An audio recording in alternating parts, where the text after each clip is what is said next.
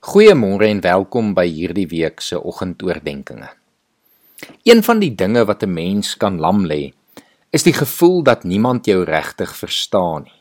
Dat niemand regtig begryp wie jy is en waardeur jy vandag moet gaan nie.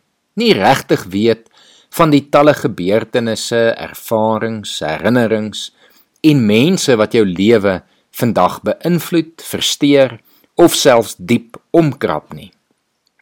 Dit is hierdie wantroue teenoor mense, die gevoel dat niemand begryp of omgee nie, wat maak dat ons dikwels in ons eie binnewêreld opgesluit bly.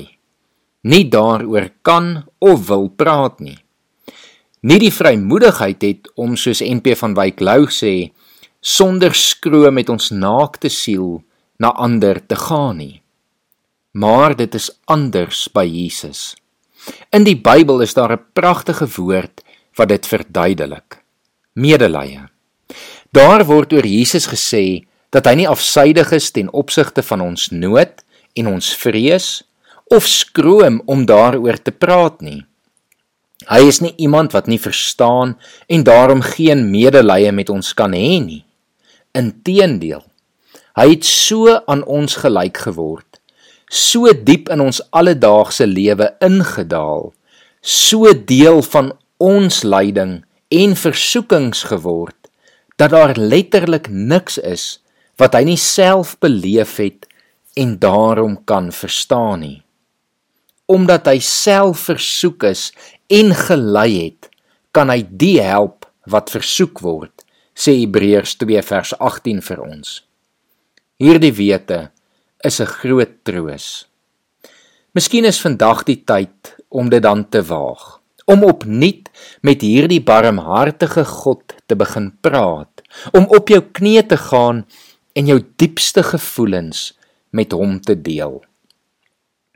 God luister vandag na jou. Ek lees vandag vir ons uit Hebreërs 4 vanaf vers 14 tot en met 5 vers 5 voor. Terwyl ons dan nou 'n groot hoëpriester het wat reeds deur die hemele gegaan het, Jesus, die seun van God, laat ons vashou aan die geloof wat ons bely. Die hoëpriester wat ons het, is nie een wat geen medelee met ons swakhede kan hê nie. Hy was immers in elke opsig net soos ons aan versoeking onderwerp, maar hy het nie gesondig nie. Kom ons gaan dan met vrymoedigheid na die genadetroon sodat ons barmhartigheid en genade kan ontvang en so op die regte tyd gered kan word.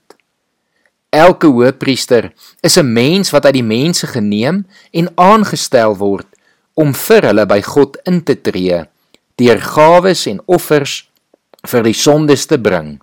Hy kan meegevoel hê met die onwetendes en dwaalendes omdat hy self aan swakheid onderhewig is. Om hierdie rede moet hy ook vir homself net soos vir die volk offers bring vir die sondes. Niemand eien hom die eer van hoëpriester toe nie. Hy word deur God daartoe geroep, net soos Aaron. So het Christus hom ook nie die waardigheid van hoëpriester toegeëien nie. God het dit vir hom gegee toe hy gesê het: "Jy is my seun en van vandag af is ek jou Vader." Kom ons bid saam. Here, dankie dat ons vandag kan weet dat U die een is wat ons verstaan, wat ons ken, wat weet waar ons verkeerd gedoen het, maar wat ons in liefde aanvaar en vergewe.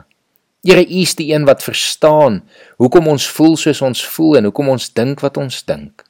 En Here, daarom kom bid ons vandag soos Dawid destyds ook gebid het en sê: Here, ondersoek ons hart en lei ons op die regte pad tot die eer van U naam.